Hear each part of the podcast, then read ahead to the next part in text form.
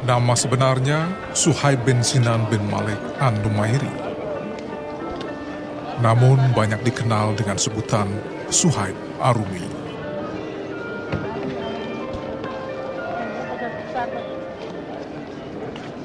Sejatinya ia bukan berasal dari Romawi atau Arumi seperti yang diperkirakan orang banyak. Melainkan orang yang benar-benar dilahirkan di Arab.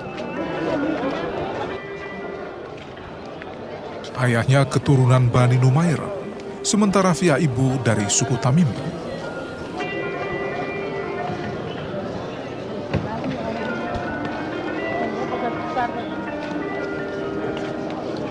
Ia putra dari seorang wali kota Ubullah di daerah Basrah yang saat itu masih dalam penguasaan kerajaan Parsi.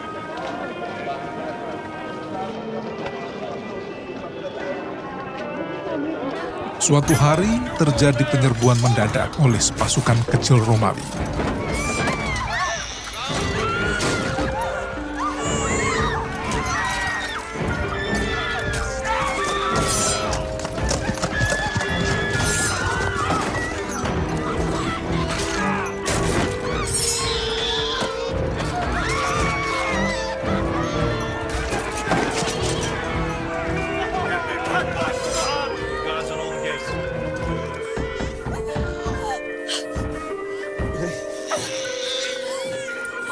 Malang bagi Suhaib.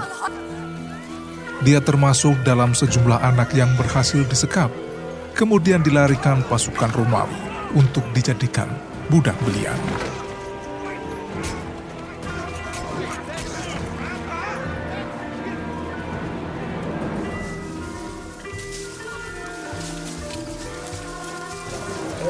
Dalam rentang waktu yang cukup panjang, Suhaib Arumi mengalami penderitaan yang sangat memilukan.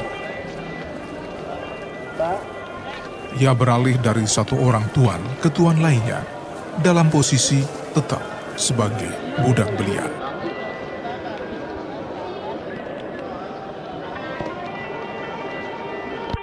Jika beruntung, ia diperlakukan baik seperti manusia yang bermartabat. Tapi jika tidak, maka ia diperlakukan seperti binatang.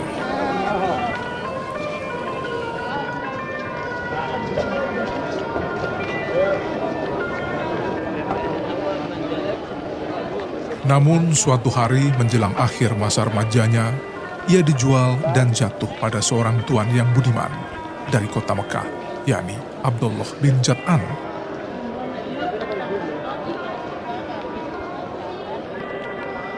Di bawah penguasaan Abdullah itulah, ia bisa bernafas lega karena diperlakukan dengan baik. Suhaib sering diajak berdagang dan dilatih menekuni pekerjaan itu, hingga ia memiliki kemampuan berdagang yang cukup baik. Bahkan, Suhaib akhirnya dimerdekakan. Pembebasannya bersamaan waktunya dengan masa dakwah Rasulullah Shallallahu Alaihi Wasallam secara sembunyi-sembunyi di rumah Arham. Suhaib merasa tertarik dengan dakwah itu. Apalagi sebelumnya pernah mendengar berita munculnya seorang nabi di wilayah Hejaz. Hatinya yang bersih ditambah akalnya yang cerdas, ingin sekali bertemu dengan penyeru kebenaran. Lalu dengan hati-hati ia berhasil masuk ke rumah Arkom, tempat Rasulullah Shallallahu Alaihi Wasallam memberikan pelajaran terhadap pemeluk agama Islam pemula yang umumnya dari kalangan muda. Masuknya ke rumah Arkom bersamaan dengan Amr bin Yasir. Sehingga kedua anak muda itu termasuk orang-orang yang awal masuk Islam. Seperti orang-orang Islam yang lain, terutama dari kalangan lemah. Mereka diperlakukan sebagai objek penyiksaan orang-orang Quraisy karena mereka adalah orang-orang yang tanpa pembelaan. Akibatnya, Suhaib dan Amr bin Yasir disiksa sekehendak oleh orang-orang Quraisy tanpa takut akan adanya pembalasan.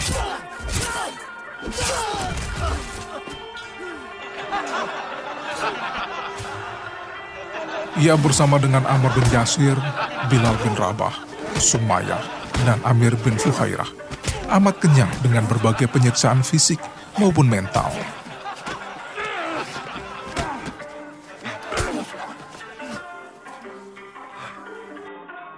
Saat perintah hijrah dicanangkan, Suhaib ingin segera menyusul Rasulullah dan Abu Bakar yang belum lama berangkat meninggalkan Mekah menuju Madinah.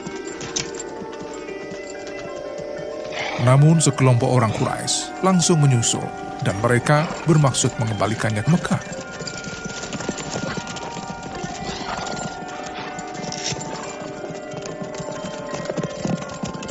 Karena niat jahatnya sudah bulat, Suhaib menggertak sekelompok orang Quraisy itu dengan ucapan lantang.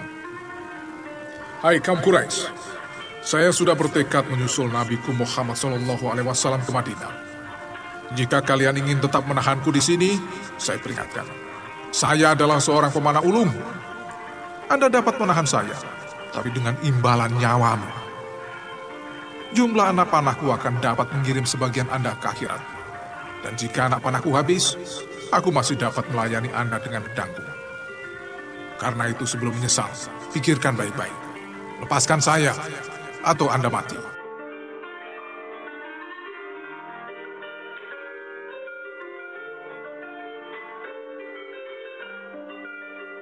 Setelah merenung sejenak, orang-orang Quraisy mulai berkata, Lalu apa yang kau tawarkan sebagai kompensasi kepada kami? Suhaib menjawab, Jika Anda setuju, bekal berupa barang dagangan yang kubawa, ada emas, perak, dan uang, bisa kau ambil semua? Dengan catatan kau membiarkan aku pergi ke Madinah. Bagaimana? Orang-orang Quraisy setuju Lalu dilepaslah Suhaib dengan meninggalkan segala barang dagangan yang banyak.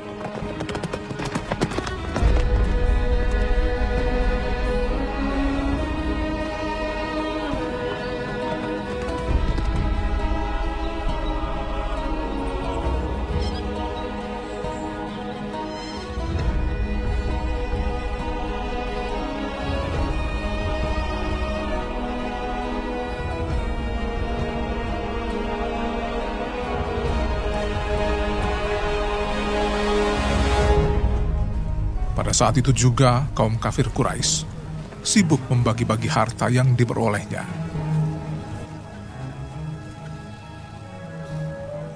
Suhaib meneruskan perjalanan dengan aman menyusul Rasulullah Shallallahu Alaihi Wasallam.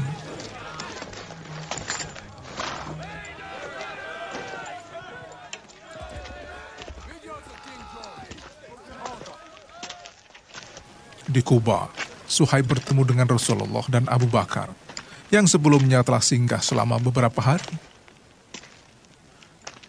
Ketika Rasulullah Shallallahu Alaihi Wasallam melihat kehadiran Suhaib, Rasul langsung menyambut gembira sambil berseru, Sesungguhnya beruntung perdaganganmu Suhaib.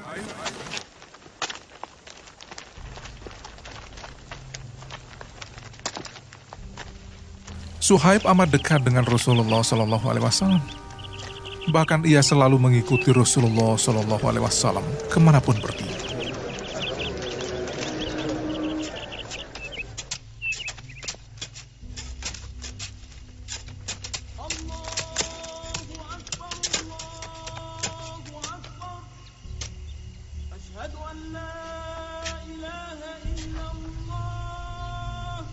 Ia mengikuti Rasul dalam sholat berjamaah, memberi nasihat kepada para ahlu sufah, serta kegiatan penting lainnya.